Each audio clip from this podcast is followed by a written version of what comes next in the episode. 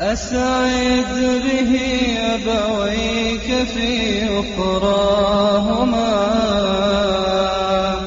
قلدهما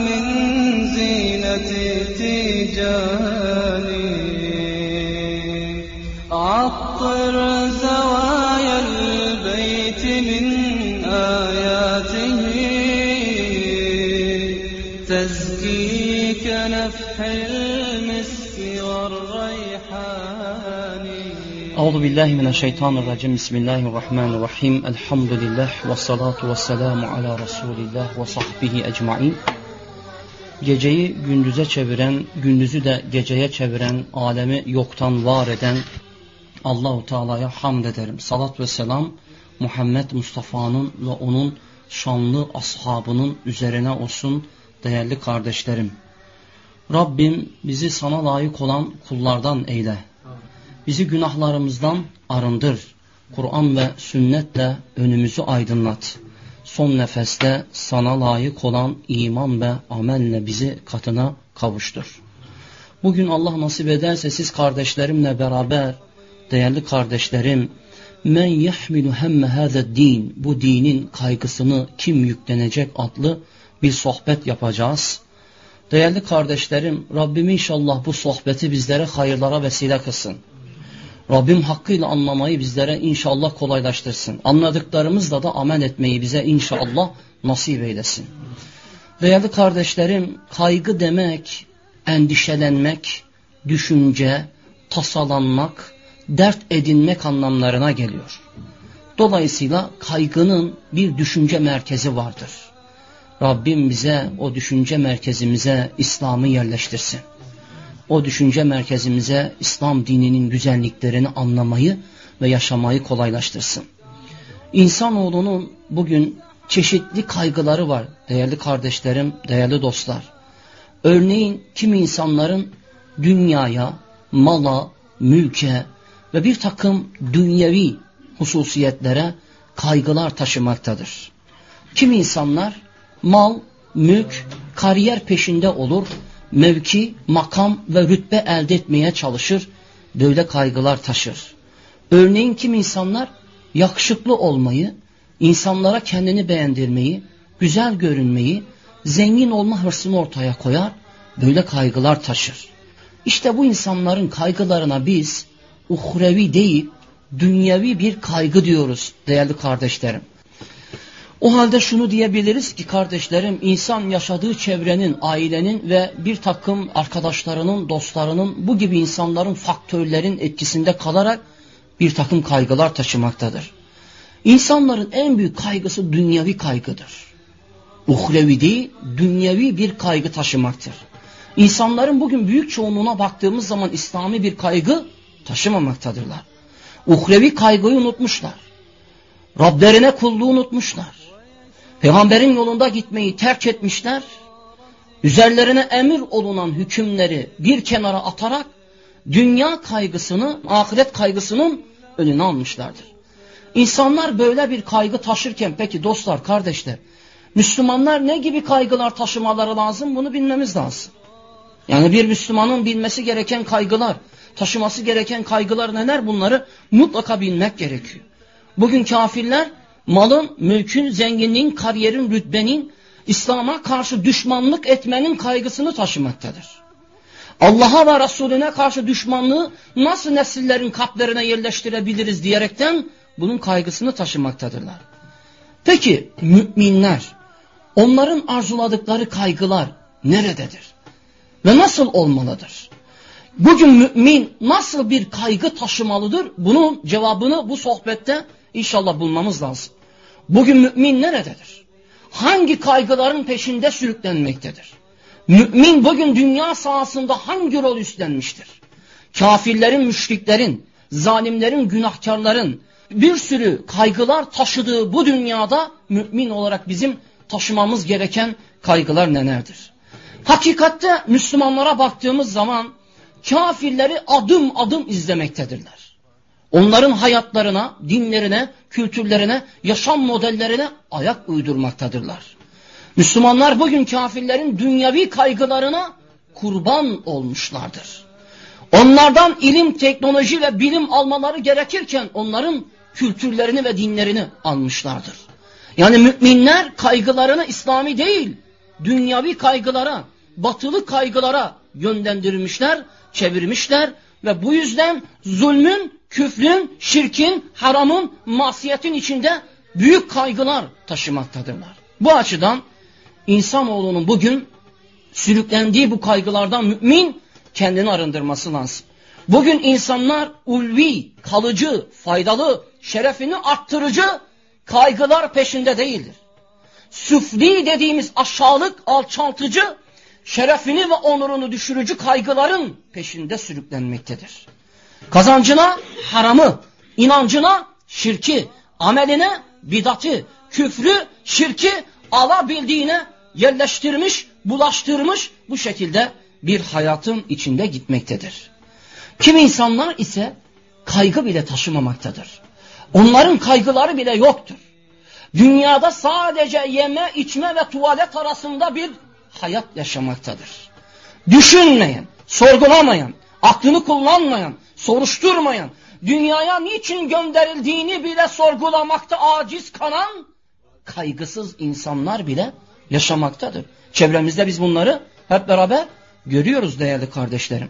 İşte bunlardan kimileri şöhretin, kimileri mevkinin, bir takım kadınların, şehvetlerin yollarında giderek, hedefler edinerek gezmeyi, tatil yapmayı, yaşamayı ve yedik ve içtiklerini tuvaletle aralarında gidip gelerek boşaltmayı hedef edinen kaygısız insanlardır. Dünyaya niçin geldiklerini bile yani düşünemeyen, akledemeyen, bunu sorgulayamayan böyle nice kaygısız insanlar görmekteyiz. Oysa kardeşler, Müslümanlar ise Allah'ı bilmeyi, ona iman etmeyi, emrini dinleyerek onun hükümlerini yüceltmeyi, salih amel işlemeyi, namaz kılmayı, ilim meclislerinde oturmayı, güzel ahlak sahibi olmayı, tövbe etmeyi, istiğfarda bulunmayı, zikretmeyi, Kur'an ve sünnet dışında gitmeyi, alimleri dinlemeyi, davetçilerle birlikte Allah davetini omuzlanmayı kaygılanır. Bunun kaygısı budur bu müminin. Yine Müslümanlar değerli kardeşlerim davet yapmayı, Allah yolunda cihad etmeyi, hakkı öğretmeyi, hakka davet etmeyi, hakkı üstün kılmayı, Kur'an ve sünnet izinde giderek müminlerin yolunu aydınlatmayı ve bidatçı ve hurafecilere karşı bu dini sahih inançla ve sahih amelle taşımayı kaygı edinin. Bakın müminlerin kaygılarıyla kafirlerin kaygıları ve kaygısızların ortaya koydukları davranışlarıyla müminlerin koydukları kaygı arasında büyük farklar görüyoruz. O açıdan kafirlerin kaygıları var, müminlerin kaygıları var. Kaygı dediğimiz endişelenme, dertlenme.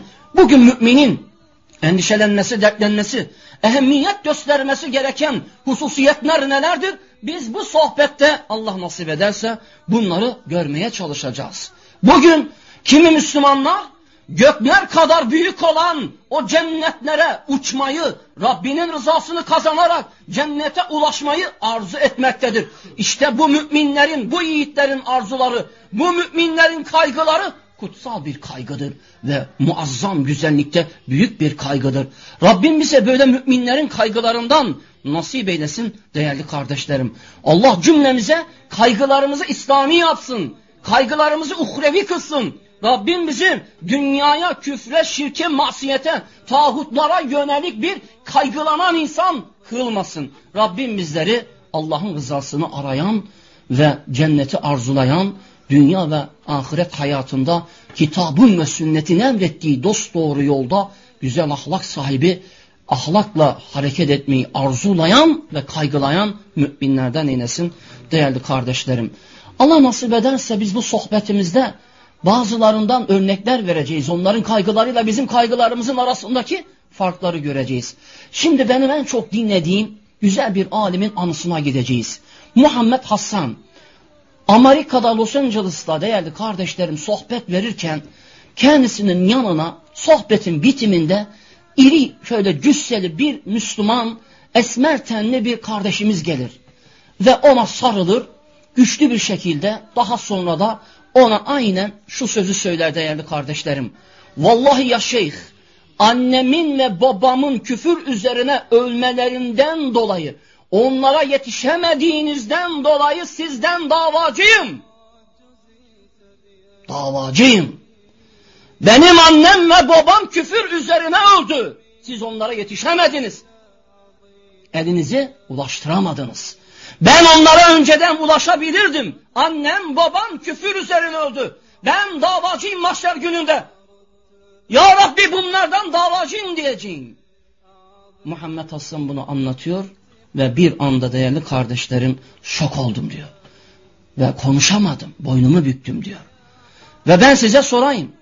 Muhammed Hasan'ın şok olduğu gibi biz de şok olmak zorundayız.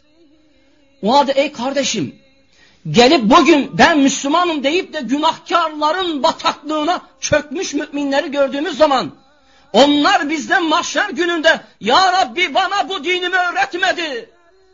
Ya Rabbi bu dini bana davet etmedi. Ya Rabbi bu dünya hayatında ben bundan bu dini duymadım, işitmedim. Davacıyım, hakkımı istiyorum dediği zaman biz de diyeceğiz. Ne diyeceğiz kardeşlerim? Bugün küfür, şirk, zulüm, günah bataklığına düşerek hayatına son veren, ölen ve tüm insanlardan mesulsun kardeşim. Mesulsun. Bunların kaygısını taşımadısan bu kaygısızlığından dolayı mesulsun. Mahşer gününde bunun hesabını vereceksin.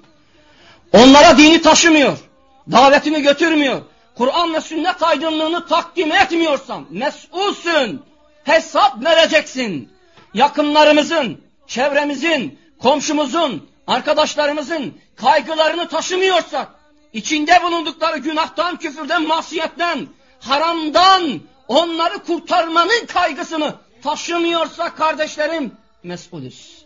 Sorumluyuz. Allah bizden bunu soracaktır. Bunu iyi bilelim. Bugün şirk ve günah bataklığına çöken bu gençlerin ellerinden tutmuyorsak, ve insanları Allah'ın dinine davet etmiyorsak, inancımızla o insanlara gitmiyorsak mesulüz, sorumluyuz. Bizler birbirlerimizin etlerini yerken, birbirlerimizin ayaklarını kaydırmaya çalışırken, birbirlerimizin ayıp ve eksiklerini cımbızla çekip çıkartıp ararken, eğer biz bu neslimizin gençliğimizin, yavrularımızın, ailelerimizin, komşularımızın, dostlarımızın acılarını, günahlarını yüklenmiyorsak mesulüz, sorumluyuz. Allah bizden bunu soracak. Allah bizden bunu soracak kardeşlerim. Ona göre hareket edeceğiz. Dinimizi yalanlıyor. Futbol maçlarının ve takımlarının peşinde gidiyor. Ve müzik dinleyen bu gençlerin yanlarına gidip dinimizi anlatmıyorsak ve bizden istedikleri o hükümleri, o hukukları, o emir ve o bilmemiz gereken, bildirmemiz gereken o emirleri bildirmiyorsak vallahi Allah bizden bunları soracaklar kardeşlerim.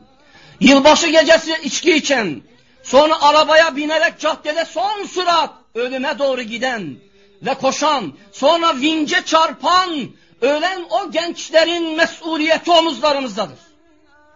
Buz gibi havada, gayrimeşru doğurduğu çocuğunu kışın soğuğunda ayaz gününde apartmanın kenarına bırakıp giden o ananın içine düştüğü bunalımdan, o ananın içine düştüğü acıdan, o bırakırken yavrusunu terk ederken o sıkıntıdan mesulüz, sorumluyuz kardeşlerim. Bunları iyi düşünmemiz lazım. Zina etmek için bir şehirden bir şehire giderken yolda kaza eden zina düşkünü bu gençlerin elinden tutmadığımız için, onlara helal yolları göstermediğimiz için, onları genç yaşlarda evlendirmediğimiz için, onlara bu kapılar açmadığımız için mesulüz kardeşlerim, sorumluyuz. Boğaz Köprüsü'nden ölümünü atlayan bir anneden, bir babadan, bir öğretmenden veya bir borçludan bizler mesulüz bu toplumda yaşadığımız müddetçe mümin, davetçi, hatip, vaiz mesuldur, sorumludur. Bunların derdini yüklenmeyen bir mümin, müminlerin derdini yüklenmemiştir. Resulullah Aleyhisselatü Vesselam sahih hadiste bize buyuruyor. Müminlerin derdiyle dertlenmeyen bizden değildir. Sokaklarda Allah'a söven, Kur'an'ı hakaret eden, sakallı Müslümanla alay eden, tesettürlü bacımla dalga geçen, kandırılmış gençlerin yanına gidip de Kur'an'dan ve Muhammed Aleyhisselam'dan örnekler vermiyorsak, mesulüz kardeşlerim, mesulüz. Puta, şirke, küfre tapmaktan haz duyan ve din ulaşmamış bu masumlardan, bu mazlumlardan mesulüz kardeşlerim. Anasını babasını öldürüp hapse giren o insandan, sonra kendisi intihar eden bu insandan mesulüz, sorumluyuz dostlar, kardeşler. Demin o, hani o Amerikalı Müslümanın, siz benim anne ve babamın Müslüman olmalarına önceden yetişemediğinizden dolayı mesulsünüz dediği gibi bizim de bu anlatmak istediğimiz mesuliyeti, sorumluluğu bilmemiz lazım değerli kardeşlerim. Kızları kaçıran ve onların namusunu kirleten, sonra büyük şehirlerde satan ve onların bedenlerinden para kazanan ve bu çetelerin, mafyaların, bu zalimlerin içine düştüğü bataklıktan hepimiz mesulüz, sorumluyuz. Bu din gidecek. Bu din gitmediği takdirde bu toplumun, bu neslin iflahı mümkün olmayacak değerli kardeşlerim. Bir ekmeği veya bir kilo sütü bulamayan ve ağlayan babalardan biz Müslümanlar olarak mesulüz ve sorumluyuz.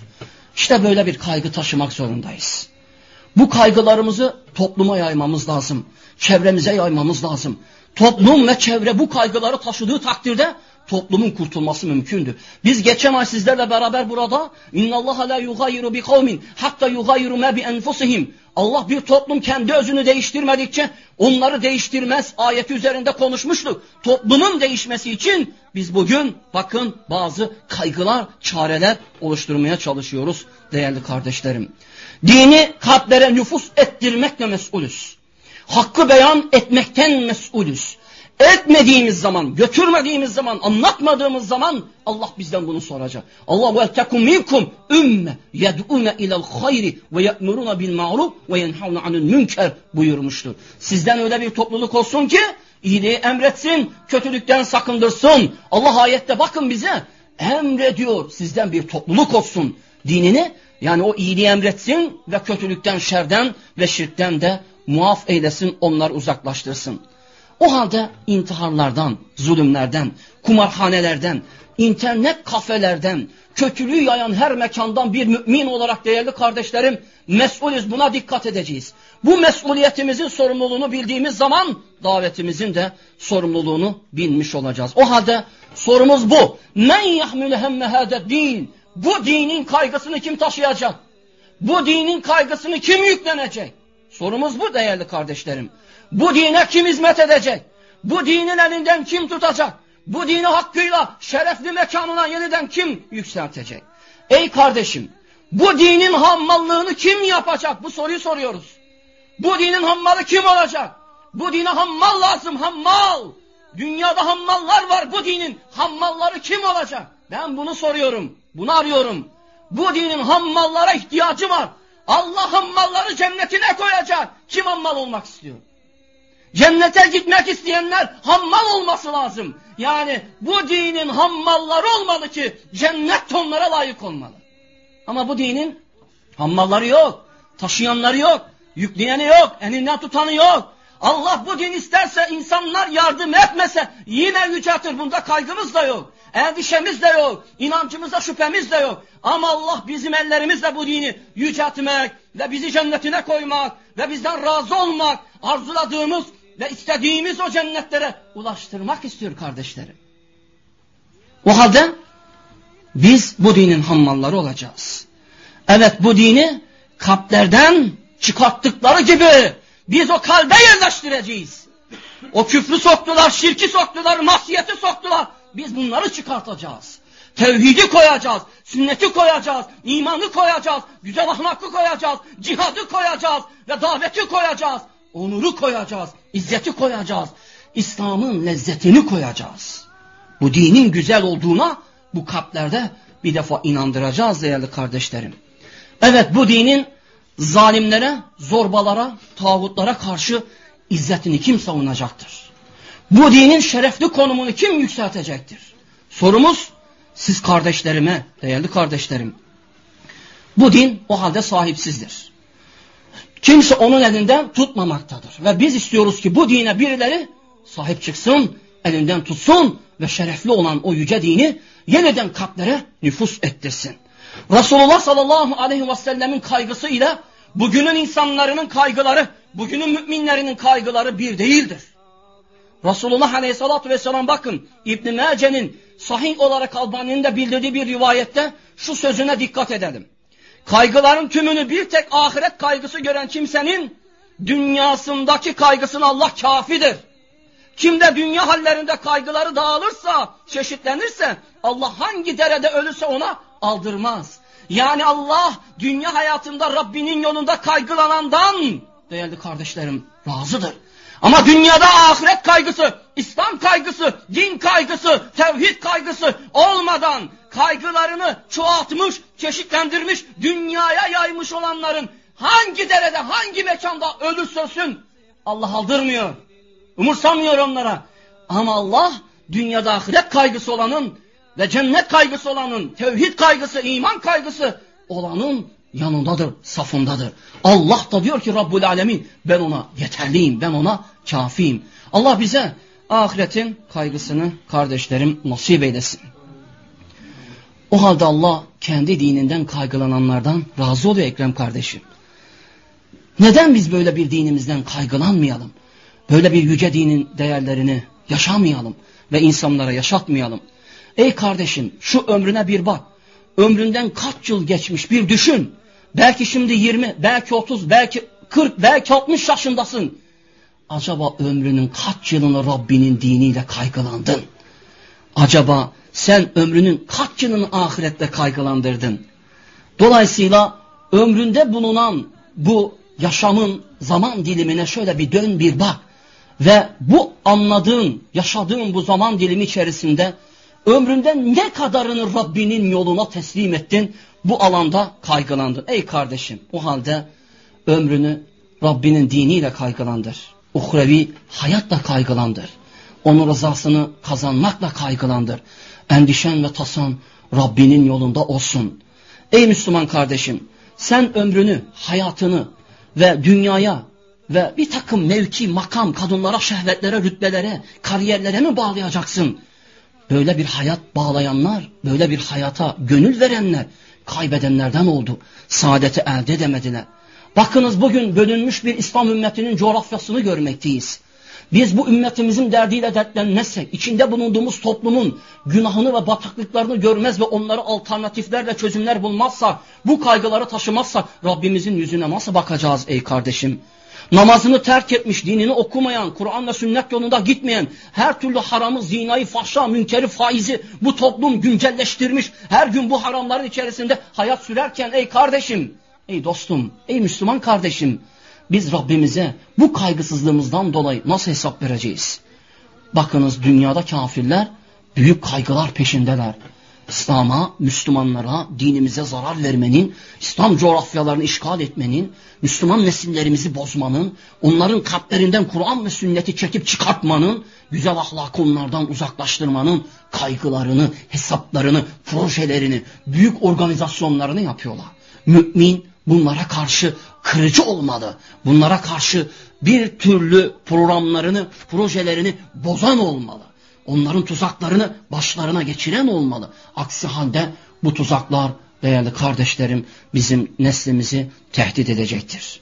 O halde men yahmil hemme din bu dinin kaygısını kim yüklenecek? Kim yüklenecek bu dini? Kim taşıyacak? Yeniden şerefli, onurlu mekanına kim yükseltecek?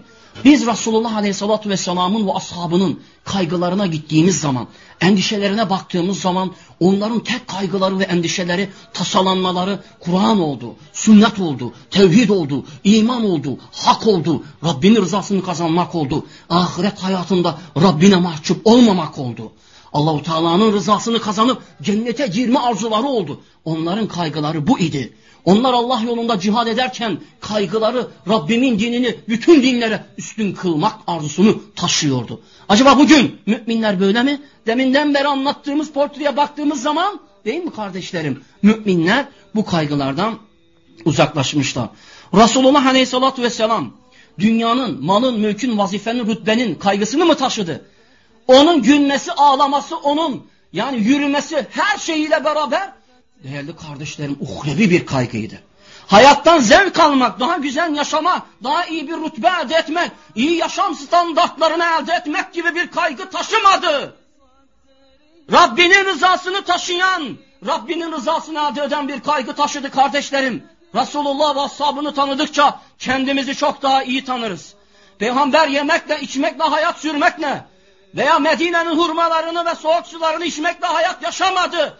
Her gün çile, her gün acı, her gün tehdit, her gün kovulma, her gün dışlanma bunların tümünü yaşadı kaygılarının neticesinde. Kaygınız ahiret olursa acınız da büyük olur. Kaygınız dünya olursa acınız da az olur. Çünkü ukrevi hayatın belli bir çilesi olur, meşakkati olur değerli kardeşlerim. İşte Muhammed Aleyhisselam'dan çarpıcı bir güzel örnek. Bir gün Allah Resulü Aleyhisselatü Vesselam hasırın üzerine yatmıştı. Ömer İbni Hattab yanına girdi. Baktı ki Resulullah Aleyhisselatü Vesselam'ın üzerinde bedeninde hasırın izi çıkmış. Sonra bir baktı ki Ömer İbni Hattab ağlıyor. Allah Resulü dedi ki ya Ömer seni ağlatan nedir? Ömer İbni Hattab'a ya Ömer seni ağlatan nedir? Niçin ağlıyorsun dedi. Ömer İbni Hattab dedi ki ya Resulallah bir Kayser'e bakıyorum bir de Rumların Bizansların krallarına bakıyorum. Onların yattıkları yatakların hallerini gözümün önüne getiriyorum. Bir de senin haline bakıyorum. Senin o bedeninin üzerinde ben hasırın izini görüyorum ya Resulallah deyince Resulullah Aleyhisselatü Vesselam ne dedi? Ya Ömer dünyanın onların ahiretinde bizim olmasını istemez misin? Ya Ömer dünyanın onların ahiretinde bizim olmasını istemez misin? Dünya kaygısı yoktu, yatak kaygısı yoktu, rahatlık kaygısı yoktu, bedeninin kaygısını düşünmüyordu.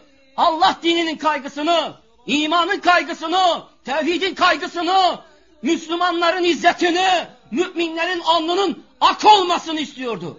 Şirkin içine bulaşmış Mekke insanlarının kurtuluşunu istiyordu Resulullah. İşte sallallahu aleyhi ve sellemin kaygısı buydu. Bizim bugünkü kaygılarımızla Peygamberimizin kaygısının arasında büyük farklar görüyoruz.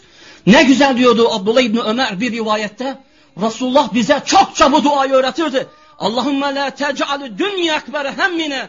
Ey Allah'ım dünyayı en büyük kaygımız eyleme. Ey Allah'ım dünyayı en büyük kaygımız eyleme. Ey Allah'ım dünyayı en büyük kaygımız eyleme. Ama bugün Müslümanların yüreklerine dünya inmiştir. Çöreklenmiştir o dünya. Dünyanın içindeki güzellikler, eğlenmeler onların yüreklerine yuva yapmıştır. O yuva yapılan dünya, o yuva yapan dünya onları fethetmiştir kardeşlerim. Ahiret hayatı ve bu dinin izzeti, onuru yüceltilmesi unutulmuştur. Rabbim sizlerin elleriyle bu dinime sahip çıkan müminler eylesin. Allah bu küçücük grubun şurada bulunduğumuz anda bütün günahlarını affetsin. Beş kişi oluruz veya bir kişi oluruz. Ben burada Ekrem kardeşim, Hayrettin hocam, Rasim hocam yine oturur, yine anlarız, yine anlatırız. İnsanların çokluğuna değer vermiyoruz. Sorumluluk bilinci kardeşler, niyet salih olmalı. Üç kişiyle, beş kişiyle ben bu dini sizlerle beraber yine yaşarım. Allah hepinizden razı olsun. Ama hocalarım, kardeşlerim burayı tıklım tıklım doldurmak istiyorlar ama insanlar rağbet etmiyor. Gelin burada kebaplar, kolalar, yiyecekler, içecekler, fahşalar, münkerler, laflar, her türlü fahşa, münkerler olacak desek, buralar Allah muhafaza tıklım tıklım doluyor. Gidin eğlence merkezlerine, gidin kafeteryalara, gidin internetlere, tıklım tıklım gençler dolu kardeşler. İnsanların dedik ya kaygıları değişik. Allah ne güzel size güzel kaygılar nasip etmiş. Beni çağırtıyorsunuz, burada dinliyorsunuz, zaman veriyorsunuz. Ne güzel kaygılar taşıyorsunuz. Zamanınızı Allah'ın dinini dinlemeye. Bizim kültürümüzde ilim meclislerinde oturma kültürü bitmiştir. İlim ehlini, davetçiyi, bir bileni dinlemek, ders almak, o kalpleri tatmin etmek azmi ve ruhu kaybolmuştur. Rabbim yeniden inşallah el ele güçlü bir şekilde bu güzel kaygıları düşündürmeyi bizlere nasip eylesin kardeşlerim. Hakikaten Muhammed sallallahu aleyhi ve sellemin hayatına baktığımızda Mekke'ye ilk geldiği günden ölünceye kadar değerli kardeşlerim müthiş kutsal bir kaygının peşinde gidiyordu. İlk geldiği gün tevhid kaygısı. Bunu anlattı. Davet etti, tebliğ etti ama gizliden, saklı. İnsanlar bilmiyordu. Sonra gizliden insanlara dini anlattı, anlattı. Belli bir merhaleye gelindi. Ondan sonra insanlara açıktan bir davet yaptı. Çadırlara girdi. Evlerin kapısını çaldı. La ilahe illallah. Muhammedur Resulullah deyin. Atalarınıza tapmayın. Putlara yönelmeyin. Bir tek olan Allah'a tapın. Bu kaygıyı insanlara götürdü. Sahabe etrafında deli divane oluyordu. Onun etrafında kümeleniyordu. Peygamber aleyhissalatü vesselam onlarla ile-i kelimetullah sancağını Mekke'de insanlara anlata anlata değerli kardeşlerim mücadele ediyordu. Şu hayatın güzelliğine bakın. Ölümüne kadar peygamber ve ashabının hayatına bakın. Bütün mücadeleleri la ilahe illallah uğruna oldu. Onlar İslam düşmanları Mekke'de zulmettiklerinde işkencehaneleri kurduklarında bile kelime-i tevhidden dönmüyorlardı. Ahad, ahad, ahad, ahad kelimeleri Mekke'de yankılanıyordu. O yankılanan ses Rabbimin hoşuna gidiyordu. Yankılanan ses müminlerin kalbinde gençlerini arttırıyordu. Ve bir müddet sonra Medine yollarını buluyorlardı. Hicretten Habeşistan'a gidiyorlardı. Kısacası her anları, her saniyeleri uhrevi bir hayatın kaygısı, imanın kaygısı onların hayatında değerli kardeşlerim zuhur ediyordu. Dönün Bedir'e bakın, Uğud'a bakın, Hende'ye bakın, Mekke'nin fethine, Hayber'e bakın. Bütün gazvelerde bile ile-i kelimetullah kaygısı vardı. Mal kazanmak, ganimet elde etmek, topraklar kazanmak, mevki makam kazanmak, rütbeler edinmek, dünyanın en büyük komutanı, en büyük generali olma arzuları taşımıyorlardı. İle-i kelimetullah, la ilahe illallah. Bütün insanların kalbine bu kelime inecek. Şirk boğulacak, şirk çıkacak, puta tapma kalkacak, kelime-i tevhid hakim olacak. Muhammed Aleyhisselam'ın öğretileri üstün olacak. Bu kaygı onların bütün yüreklerine değerli kardeşlerim sirayet etmişti. İşte biz bu kaygıyı bu topluma vermediğimiz zaman değerli kardeşler başaramayız. O halde ey kardeşim sen ne adına kaygılar taşıyorsun? İslami bir kaygı taşıyor musun? Ben nasıl bir kaygı taşıyorum? Bu dinimiz için çileler, zorluklar, meşakkatler yaşıyor muyuz? Bu kaygıların peşinde gidiyor muyuz? Acaba dinimiz yolunda ayıplanıyor muyuz? Dışlanıyor muyuz? Tehdit alıyor muyuz? Bunları bir soralım. Dinimiz uğrunda acaba ne gibi ayıplanmaları ve dışlanmaları yaşadık? İmanımızın gereği bir takım zorluklar, meşakkatler yaşadık mı? Vaktimizi verdik mi? Zamanımızı verdik mi? Yani günlük Kur'an okumalarımız, hadis okumalarımız var mı? Bunları bir sorgulayalım. Günlük bir insana davet ettik mi? Bir ayet yazdık mı? Bir hadis yazdık mı? Birine la ilahe illallah'ın anlamını açıkladık mı? Kur'an'a davet ettik mi? Rabbimin kelamıyla onlara yol gösterdik mi? Soralım. Acaba böyle kaygılarımız var mı? Davet kaygısı, tebliğ kaygısı, dini taşıma kaygısı var mı? Enes bin Malik radıyallahu anhu rivayet ediyor. Şöyle demiştir Resulullah sallallahu aleyhi ve sellem şöyle buyurur. Kimin kaygısı ahiret olursa Allah onun zenginliğini kalbinde kılar. Zenginliğini kalbinde kılar. İki yakasını bir araya getirir. Ve dünya ona boyun eğerek gelir. Yani ahiret kaygısı ona büyük kazançlar sağlar. Her kimin kaygısı da dünya olursa Allah onun fakirliğini iki gözünün arasında kılar ve iki yakasını bir araya getirmez. Zaten kendisine takdir edilen şey gelir, fazlası gelmez. Hadis Tirmizi'de sahih olarak geliyor. Ne anladık hadiste? Resulullah eğer diyor ahiret sallallahu aleyhi ve sellem eğer diyor siz ahiret kaygısı taşırsanız dünya sizin önünüzde nimet olur, saadet olur. Aynı zamanda Allah iki yakanızı bir araya getirir. Ekonomik gücünüzü arttırır. Direncinizi arttırır. Maddi imkanlarınızı arttırır. Rızkınızı genişletir. Bütün bunlar bakın rızkın genişleme sebeplerinden biri uhrevi bir kaygı taşımak. imani bir kaygı taşımak. Geceni gündüzünü sadece Allah, Rabbinin dinini yüceltme, zikretme, boş vakit geçirmeyeceksin. Estağfirullah, Subhanallah, Elhamdülillah. Bol bol bu dualar yapacaksın. Okuduğun bir kitap varsa onu hatırlayacaksın. Okuduğun bir hadis varsa onu tekrarlayacaksın. Boş durmayacaksın. Yazacaksın bir ayet tercüme, bir hadis tercüme, bir makale, bir güzel konu, güzel bir vaat. Akşamı düşüneceksin, sabahı düşüneceksin. Sabah ezanı okunduğunda, içeri soğuk olduğunda, yataktan çıkmakta üşendiğinde o anda aklına Allah'ı, onun azametini, onun sorgulamasını, o mahşerin zemheri soğuğunu getireceksin. Kaygılarını güçlendireceksin kardeşim.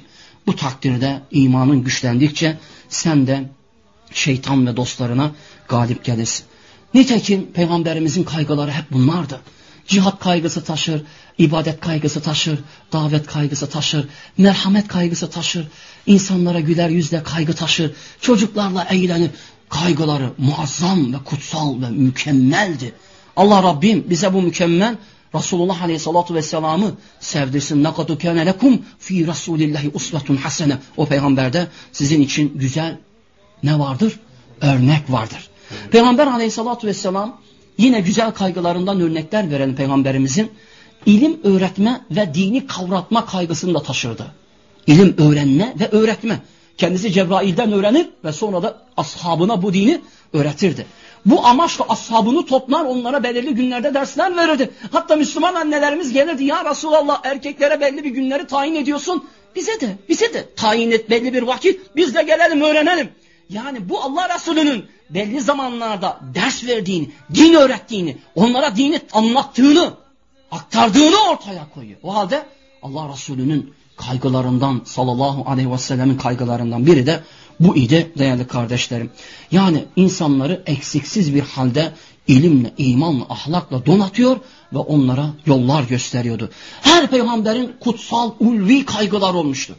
Dönün bütün peygamberlerin hayatlarına bakın onların en büyük kaygısı Mehmet Ali nedir? İslam kaygısıdır. Dinin topluma gitmesi kaygısıdır. Kendi nefislerini ıslah edip kendilerini düzeltip insanlığı ıslah etme, onları düzeltme kaygılarını taşımışlardır değerli kardeşlerim. Hatta Nuh Aleyhisselam Ya Rabbi diyor leylen ve nehara gece gündüz anlattım. Anlatmama Ya Rabbi anlatmama rağmen ben onlara dinletemedim kulaklarını şu parmaklarını adeta bütün kulak parmaklarını kulaklarına sokarcasına beni dinlemediler. Bana umursamadılar. Bana kulak vermediler. Sırt döndüler ya Rabbi. 950 sene anlattı. 950 sene az mı? 950 yıl boyunca siz anlatsanız belki usanırsınız. Ben anlatsam usanırız. İnsanlar bir saat sohbetlere dayanamıyorlar. 950 sene Allah'ın davetini anlatmak meşakkat değil mi? Zorluk değil mi? Bakın kutsal kaygılara bakın, davet kaygılarına bakın. Nuh Aleyhisselam'a, Salih Aleyhisselam'a dönün, Hud Aleyhisselam'a dönün, Lut Aleyhisselam'a dönün, İbrahim Aleyhisselam'a dönün. Yusuf Aleyhisselam'ın çektiği zindanlarda, sonra çıktıktan sonraki hallerine, kuyuya atılmalarına, bütün kaygılarına bakın. Sonra ne diyordu Yusuf Aleyhisselam? Çıktığı zaman Yusuf Aleyhisselam o hapishanede iken ya sahibe sicne erbab muteferrikun hayrun emillahul vahidul kahhar Yusuf Aleyhisselam'ın kaygısına bakın. Zindanda insanlara tevhidi, İslam'ı, imanı öğretiyor. Ey hapis arkadaşlarım, çeşit çeşit tanrılar mı yoksa daha hayırlı olan, tek ve kahhar olan Allah mı hayırlıdır? Yani oturduğu zindanda bile tevhid dersleri veriyordu. Oturduğu zindanda arkadaşlarına İslam'ı öğretiyor, tevhidi öğretiyordu. Kaygılarına bakın, kurtulmak, işte ferahlık, çıkmak bunlar onların Allahu Teala'nın dilediğinde olduğunu bildikleri için umursamıyorlardı ama en büyük kaygıları İslam'dı değerli kardeşlerim. Biliyorsunuz Allah Resulü büyük kaygıların peşinde gitti. Basit kaygılar taşımadı. Yani en büyük kaygıları neydi Resulullah'ın? Uhrevi, ahiret kaygısıydı. Bu dinin yücelme kaygısıydı.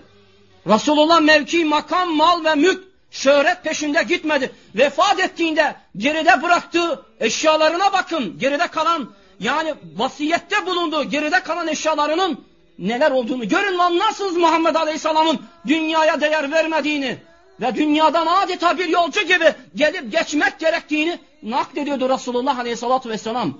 Burada Taif'e gidiyordu. Mekke'de rahat bir şekilde kalmayan Muhammed Aleyhisselam onu Taif'e Allah davet için, tebliğ için görevlendiriyor ve gidiyordu. Taif'te insanlar Peygamber Aleyhisselam'ı taşlıyorlardı. Dinlemiyorlardı. Hakaret ediyorlardı. Sefihleri, zalimleri Allah Resulü'nün peşine takıyorlardı. Neticede Resulullah Aleyhisselatü Vesselam değerli kardeşlerim oradan kovulmuş bir şekilde çıkıyordu. Onu koruyan kimdi?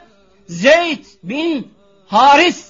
Allah Resulü Aleyhisselatü Vesselam'a etten bir duvar örüyordu. Atılan taşlar gül gibi geliyordu. O bir acı çekmiyordu. Yeryüzünün efendisini koruyordu. Onun için acılar unutuluyor. Bir anda her şey sevinç, bir anda bir saadete, bir cennet bahçesine dönüyordu. Atılan taşlar, ayaklarının altına konulan dikenler. Asla Zeyd'i Allah yolunda ve Resulullah'ı korumaktan sallallahu aleyhi ve sellemi muhafaza etmekten uzaklaştırmıyordu. Her acı onu kamçılıyordu. Her acı, her taş imanını güçlendiriyordu. Ama bugün müminler böyle acılara asla değerli kardeşlerim yönelmiyorlar. Allah sizlere ve bizlere bu şuuru ve bu bilinci nasip eylesin. Allah sonra biliyorsunuz meleğini gönderiyordu. Ya Muhammed sallallahu aleyhi ve sellem izin veriyorsan bu iki dağı başlarına geçirelim dediğinde Resulullah ne diyordu? Ya Rabbi benim onların zürriyetinden yeni bir neslin olmasını arzuladığımı kabul et ya Rabbi. Umarım ki onların neslinden iman eden tevhid ehli bir zürriyet doğar. İşte merhametin ve güzel ahlakın ve yeni bir neslin doğmasına kaygı taşıyan bir peygamber aleyhisselamın halini görüyoruz değerli kardeşlerim. İşte o açıdan Taif gidişi ve Taif dönüşü. Taif'e gidiş rampalıdır bir gün ama iniş yarım gündür. Bir gün çile yarım günde iniştir. Taif gidişi büyük dersler, büyük ibretler, büyük bize yollar gösterir. Müminin önünü açar. Yani orada davet taşıma azmini görürüz. Muhammed Aleyhisselatü Vesselam'ın daveti tebliğ etmenin kaygısına şahit oluruz. Dini taşıdığı zaman ayıplanmanın, dışlanmanın neticesinde merhamet kanatlarını açan bir peygamber görürüz. Aynı zamanda insanlığı şirkten, küfürden, masiyetten kurtarmak amaçlı giden bir kalbin güzelliğini görürüz. Davetçinin azmini görürüz. Çilelere sabreden, acılara göğüs gelen bir Muhammed Aleyhisselam görürüz. Muhammed Aleyhisselam'ın etrafında Zeyd bin Harislerin bir muhafız olduğunu görürüz. Yani Zeydlerin Muhammed Aleyhisselam'ın canını nasıl koruduklarına şahit oluruz. Taif büyük bir derstir. Büyük bir ibrettir müminler hakkıyla Taif'i okurlarsa okursanız sizlerin açısından çok iyi olur değerli kardeşlerim. Gün Allah yolunda cihada çıkma günüydü. İslam'ın izzetini yüceltme kafirlerin onurunu kırma günüydü. Ve müminler hazırlık yapıyorlar. Resulullah Aleyhisselatü Vesselam müminlerin hazırlıklarını izliyordu. Ve iki tane genç gelmişti. Bir tanesi Semura idi. Resulullah Aleyhisselatü Vesselam onu kabul etmemişti. Ardından Ensardan Rafi adında bir genç geldi. Resulullah Aleyhisselatü Vesselam'a dedi ki ya Resulallah ben dedi Allah yolunda cihada katılmak istiyorum. Resulullah Aleyhisselatü Vesselam Rafi'yi hemen kabul etti. Ardından hani o demin kabul edilmeyen o Semur'a geldi koştu. Ya Resulallah sallallahu aleyhi ve sellem sen Rafi'yi kabul ettin ama beni reddettin. Beni de kabul et ya Resulallah deyince ya Semura o iyi bir ok atıcısıdır. İyi bir ok atıcısıdır. Attığı oku vuruyor. Ya Resulallah vallahi ben de iyi bir güreşçiyim. Vallahi ya Resulallah ben daha kuvvetliyim. Vallahi ya Resulallah istersen beni bununla güreştir. Madem öyle mi ya Semura? Hadi o zaman Rafi ile güreş dedi. Ve Resulullah Aleyhisselatü Vesselam'ın sözü gereği ikisi birlikte güreştiler. Ve Semura Rafi'yi tuş etti, yendi. Ve vallahi Resulü baktı ki o gerçekten kuvvetli. Ya Semura sen de katıl dedi Allah yolunda cihada. Ne anladık buradan? Ne anladık? Kardeşlerim Allah hepinizi cennetine koysun. Ne anladık?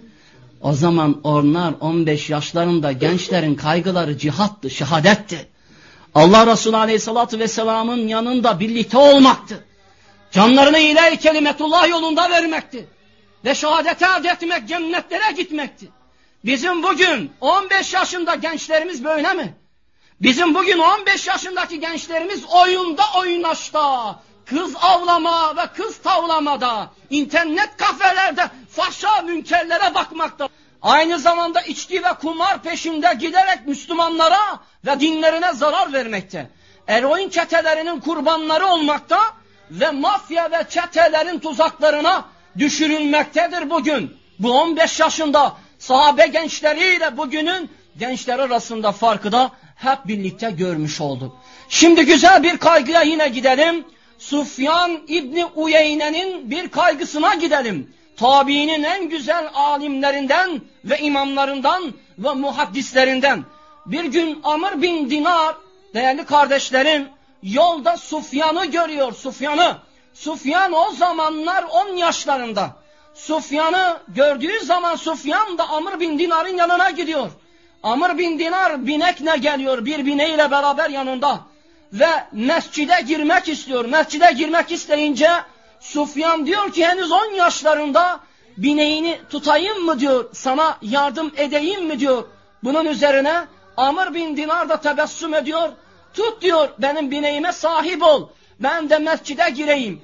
Ancak diyor Amr bin Dinar karşılığında benden ne istersin diyor.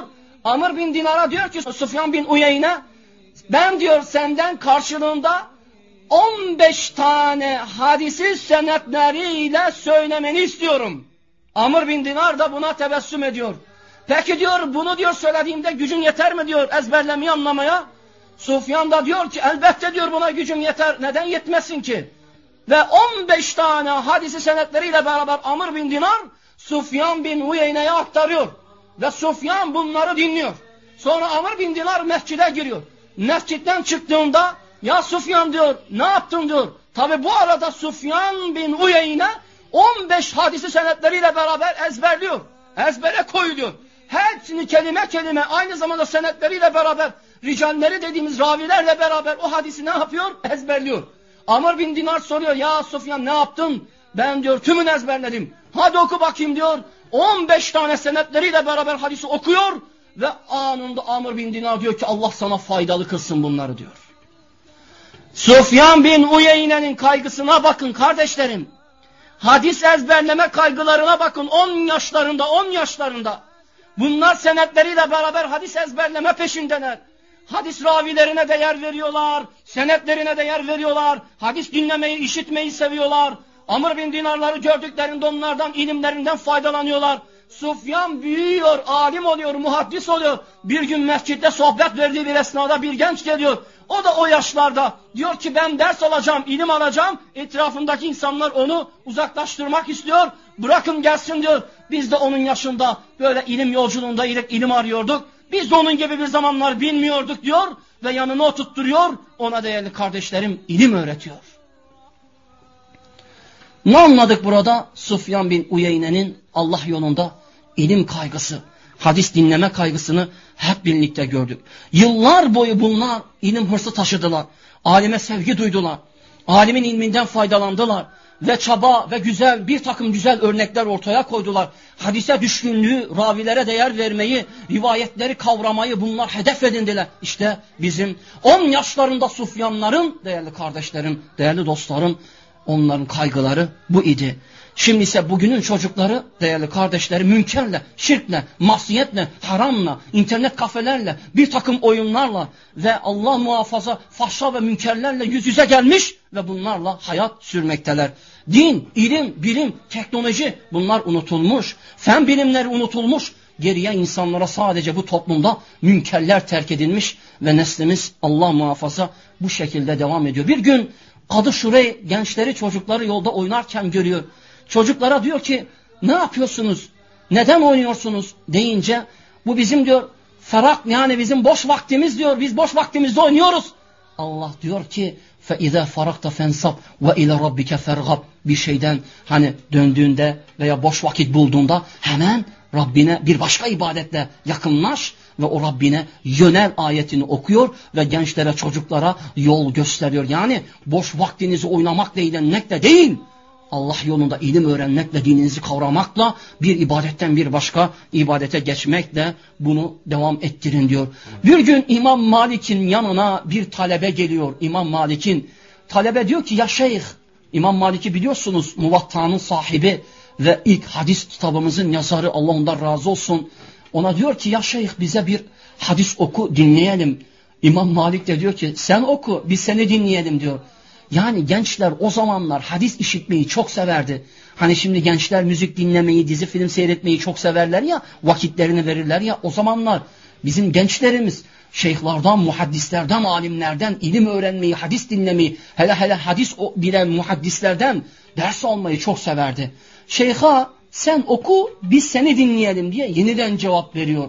Bu ise bir edepsizlikti, bu bir arsızlıktı. Bunu gören İmam Malik bunu edeplendirmek, teedip dediğimiz terbiyelendirmek amacıyla yanındaki talebelerine diyor ki bunu çıkartın. Dışarıda 15 tane sopa vurun geri getirin. 15 tane sopayı vuruyorlar geri getiriyorlar. Genç bu sefer diyor ki vallahi ya şeyh hakkımı helal etmiyorum sana. Haram ediyorum. Mahşerde senden bunun hesabını soracağım diyor. İmam Malik de çok korkuyor. Yaptığı şey aslında onu terbiyelendirmek ama böyle bir söz söyleyince peki diyor sen diyor bunun karşılığında ne istersin? Sen diyor bana o attığın 15 tane dayağın karşılığında 15 tane hadis söyleyeceksin ve ben onu işiteceğim, ben onu öğreneceğim. Bunun üzerine İmam Malik 15 tane hadisi ona senetleriyle beraber okuyor ve o genç onları ezberliyor. Sonra diyor ki İmam Malik'e ya şeyh diyor şu diyor dayağın diyor sayısını arttıralım da diyor yeniden. Beni diyor yeniden dışarıya gönder. Bana diyor yeniden bir dayak attır. Sayısınca kadar da diyor bana diyor hadis diyor e, söyle hadislerini işiteyim. Bu sefer ona diyor ki şimdi git tamam diyor tebessüm ediyor İmam Malik. Sonra gel dayağı da arttırırız diyor. Ne görüyoruz burada?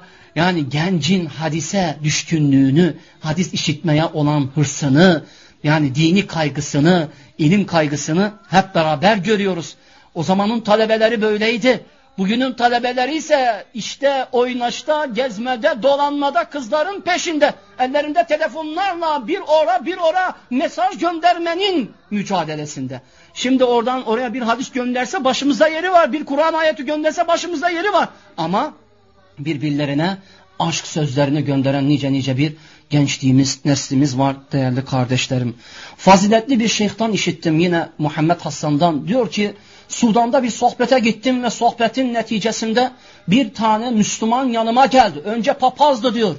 Ve bana dedi ki vallahi ya şeyh, vallahi ya şeyh, 11 bin tane Müslümanı Hristiyan ettim. Elimle 11 bin Müslüman Hristiyan oldu. Vallahi ya şeyh şimdi Müslüman oldum. Bunun acısından gece gündüz yatamıyorum. Rabbime dua ediyorum ya Rabbi benim elimde yeniden bunları İslam'a kazandır. Ve diyor elhamdülillah 9 bin tanesine vesile oldum yeniden. 9 bin tanesi yeniden İslam'a döndü. 2 bin tanesi için de bana dua et ya şeyh. Allah bana güç ve azim versin. Rabbim onlara da hidayet nasip eylesin. Onları yeniden dinime davet edeyim. Önceki hırsına bakın papazın, kaygısına bakın, endişesine bakın, sonraki kaygısına bakın, İslam'a girdikten sonraki kaygılarına bakın. Biz acaba elimizle kaç Müslümanı yeniden dinimizle tanıştırdık? Yaşatma ve ona dini öğretme noktasında yardımcı olduk. Biz kaç Müslümanı Allah'a davet ederek namaza başlattık? Salih bir mümin konumuna getirebildik. Biz kaç Müslümanı La ilahe illallah'ın anlamını ona kavratmaya çalıştık. Biz kaç tane Müslüman bacımızın başını arttırdık. Kaç bacımıza Kur'an'la sünneti sevdirdik. Ailemize, çoluğumuza, çocuğumuza bu dinimizi sevdirdik kardeşlerim. Bakın görüyorsunuz bir papaz iken sonra Müslüman olanın müthiş olan kaygısına, cennete talip olan müminlerin, yiğit Müslümanların, bu güzel çehrelerin büyük davaları olur, büyük kaygıları olur. Ama cennete talip olmayanların kaygıları dünyalık olur. Dünyalık kaygısı olanın da şeytan dostu olur. Şeytan dostu olduğu zaman da bu dünya hayatında onlara değerli kardeşlerim kötülük ve fahşa kaygıları gelir. Allah sizleri ve bizleri bunlardan eylemesin. Selahaddin el-Eyyubi biliyorsunuz büyük komutanlardan ama aslında Kudüs'ün fethini sağlayan Nurettin Ez-Zengi'dir. Nurettin Ez-Zengi bir gün muhasara altında bulunan Kudüs'ün o günlerinde hastalanıyor. Hastalandığı zaman acıları büyük. Yanındaki vezirleri olsun, askerleri olsun onu tebessüm ettirmek, acılarını unutturmak istiyorlar. Güldürmek istiyorlar. Ya diyorlar ya Nurettin Ez-Zengi ya komutan neden gülmüyorsun, neden tebessüm etmiyorsun? Ne güzel bir cevap veriyordu Nurettin Ez-Zengi. Vallahi diyordu Kudüs işgal altında. Vallahi Kudüs bugün esaret altında. Vallahi Kudüs bugün muhasara altında. Ben nasıl güleyim? Ben nasıl tebessüm edeyim? Ben nasıl güleyim? Ben bundan razı olabilir miyim? Tebessüm bana yakışır mı diyor. Yanındaki vezirleri, askerler hep birlikte ağlıyorlardı. İşte Nurettin Zengi'den Selahaddin el-Eyyubi komutanlığı devraldı. Selahaddin el-Eyyubi 90 yıllık Kudüs'ün esaretini ortadan kaldırdı. Ama nasıl kaldırdı biliyor musunuz? Müslümanların sabah namazında sayıları cuma namazındaki kitle sayıları kadar olunca askeri birliklerini hazırladı, ordusunu tertipledi, cihadı, ayetlerini aktardı, şehadet azmini, cennet güzelliğini anlattı. Tüm ordularını güçlendirdikten sonra iyile-i kelimetullah yolunda Haçlı ordularına karşı gitti. Şu kaygının güzelliğine bakın, şu kutsal kaygılara bakın, Nurettin Zengilere, Selahaddin Eyyubilere bakın. İşte bunların elleriyle kardeşlerim, Kudüs esaretten ve işgalden kurtuldu. Şimdi biz Kudüs'ü biliyorsunuz İsrail'in elinde hala esaretten kurtaramadık. Acaba nasıl kurtaracağız? Allah için siz de düşünün ve bunların çözümünü hep beraber bulmaya çalışalım. O halde kaygılarımız çok değişmiş. Deminden beri anlattığımıza göre bizim kaygılarımız dini, uhrevi, imani, hakka yönlendirici değil kardeşlerim. Dünyaya dönmüş, fahşa münkerlere yönelmiş, dünya ticaretine, dünya zenginliğine ve maddi standartları ve yaşam standartlarımızı yüceltmeye yönelmiş. Dolayısıyla bu kaygılar bizi dünya hayatında, dünya sahasında ne izzetlendirebiliyor ne de güçlendirebiliyor. Dünyanın bütün süper kuvvetleri kafirler güçlenirken biz Müslümanlar dinimizden geri kaldığımız için gerilerde kalıyoruz değerli kardeşlerim. Biz bu dünyada bir aktörüz kardeşlerim. Ya bakınız silik kötü bir aktör olacağız ya da iyi bir aktör olacağız. Kim dünya hayatında dünyalık kaygılar peşinde giderse kötü, silik bir aktör olacak, bu rolünü oynayacak. Kim de dünya hayatında ahiret hayatına, tevhid yoluna, iman yoluna, İslam yoluna, ahireti kazanma yoluna doğru yönelirse o zaman da hayırlı, iyi bir rol oynayacak, rolünü hakkıyla yerine getirecek. Rabbim size güzel aktörlük rolünü nasip eylesin. Dünya hayatında yani güzel aktör olmanın peşinde olmamız lazım. Sanatçıların veya sinema aktörlerinin gibi değil. Ahiretin aktörlüğünü elde etme peşinde olan müminlerden eylesin. Ey değerli kardeşim, nefsimizi kurtarmak istediğimiz kadar çevremizi, dostlarımızı, eşimizi, çocuklarımızı, yakınlarımızı kurtarmanın kaygılarını da taşımamız lazım. Annemize, babamıza, en yakın sevdiklerimize gücümüzün yettiği, sözümüzü dinletebileceğimiz bir insana bu kaygılarımızı yani dini kaygılarımızı, İslami kaygılarımızı taşımak zorunda olduğumuzu bilmemiz lazım. Ey kardeşim kaygın dünya olmasın, ahiret olsun. Kaygın tevhid olsun, iman olsun, hak olsun, kaygın, Muhammed Aleyhisselatü Vesselam'ı tanımak ve onun gibi yaşamak olsun, kaygın, cennet olsun, kaygın, cihad olsun, kaygın, şehadet olsun, kaygın, Rabbinin rızasını kazanmak olsun, kaygın aileni ateşten kurtarmak olsun, kaygın komşularına, çevrene el uzatmak, bataklıktan onları çıkartmak kaygısı olsun. İşte bu kaygıları taşıdığımız zaman ben inanıyorum ki vallahi nasıl Selahaddin el-Eyyubiler ve nasıl ki sahabe-i kiramlar ki nasıl Resulullah aleyhissalatu vesselam zafere erdiyse bizim ümmetimiz de zafere erecektir Allah'ın izniyle. Kaygını dünyavi olarak devam ettirirsen dünyayı da kaybedersin. Ama kaygını uhrevi yöne çevirirsen dünyanı da ahiretini de kazanırsın. O halde bugün kaygılarımızı iyi düşüneceğiz. Hangi kaygıların peşinde gitmemiz gerektiğine karar vereceğiz. Bakınız İmam Nevevi bir günde 12 tane derse katılırdı. Her bir ders bir saat olsa 12 saat toplam derse katılırdı. Siz düşünün sadece derse katılıyor. Bir de onun okuduğunu düşünün ki Allah rahmet eylesin 40 yaşında vefat etmiştir. 40 yaşında dev külliyatlar bırakmıştır. Kısacık ömrüne Allah bereket vermiş, hayır vermiş. Şu an onun eserleri bütün ulema tarafından şerh ediliyor. 40 yaşında gencecik yani değil mi? Bugün bazı imamlara, alimlere baktığımızda 90'ına 80'ine geliyor Rabbimin dilemesiyle. Rabbim ömrü veriyor, Rabbim ömrü alıyor. Ama 40 yaşına kadar bu dev külliyatlar yazmasının hikmeti nedir? Samimiydi, ihlaslıydı ve aynı zamanda güzel güzel bir ilim kaygısı taşıyordu değerli kardeşlerim. İbn Hacer rahimahullah öğle ve ikindi arasında Tabarani'nin mu mucemini değerli kardeşlerim okuyor bitiriyor. Sadece bu mucemde 1500 tane hadis var. 1500 hadisi öğle ve ikindi arasında okuyor. Bu ne demek? İlme duyduğu hırsı ve kaygıyı ortaya koyuyor. Hadise duyduğu kaygıyı ortaya koyuyor. İmam Şafii diyor ki ben diyor Kur'an'ı diyor hıfzettiğimde 7 yaşımda idim. Muvattayı baştan sona ezberlediğimde kaç yaşındaydım? 10 yaşımdaydım diyor. 10. Ya subhanallah 7 yaşında 10 yaşında ne hafızalar var. Ne akıllar varmış, ne hırslar varmış, ne kaygılar varmış. Şimdi bizim yani gençlerimiz Bukhari'yi bilmez, Müslüm'ü bilmez, Ebu Davud'u bilmez, İbn Mace'yi, Nesai'yi bilmez, İmam Şafii'yi bilmez, İbn Hacer'i bilmez, Tabarani'yi bilmez, Mucem'i bilmez, hiçbir şeyi bilmez. Ne bilir? Fenerbahçe'nin ilk 11'ini A'dan Z'ye sayar. Beşiktaş'ı, Cimbom'u, bütün Avrupa kupalarını. Bırakın Türkiye'deki takımları, Avrupa takımlarının bütün futbolcularına kadar sayar.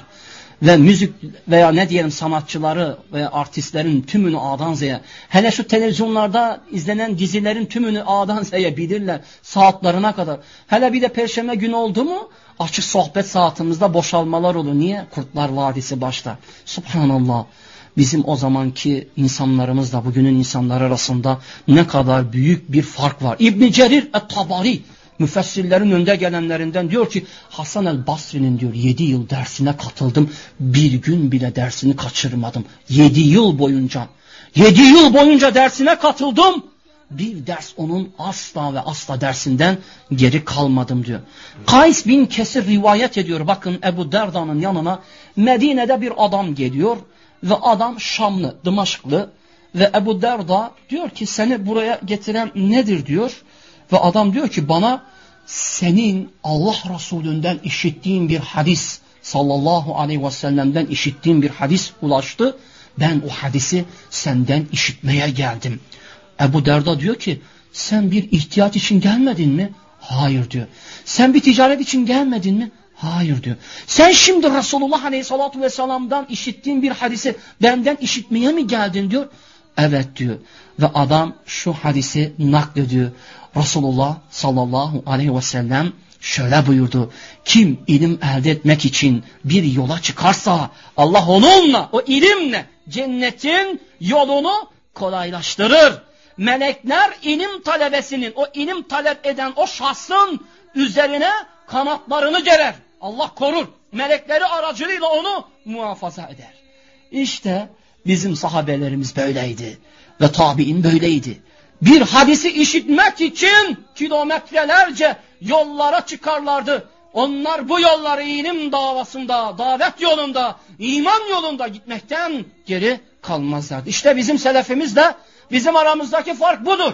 Onların kaygıları din idi, iman idi, hak idi, cihad idi ve bu dini taşımak idi, hadis ezberlemekti.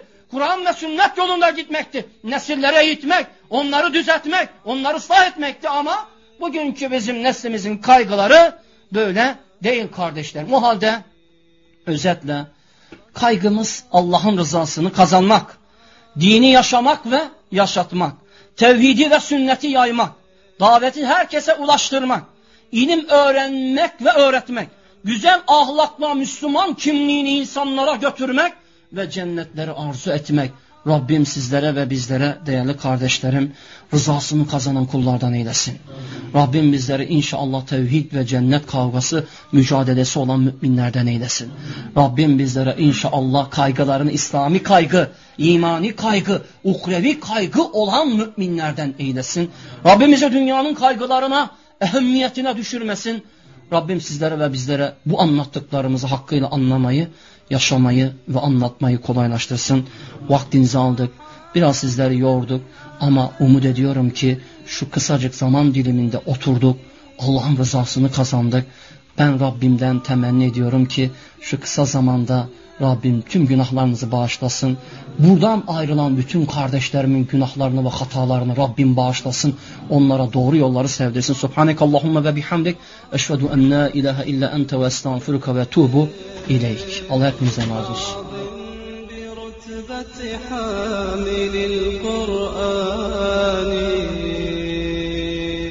هدية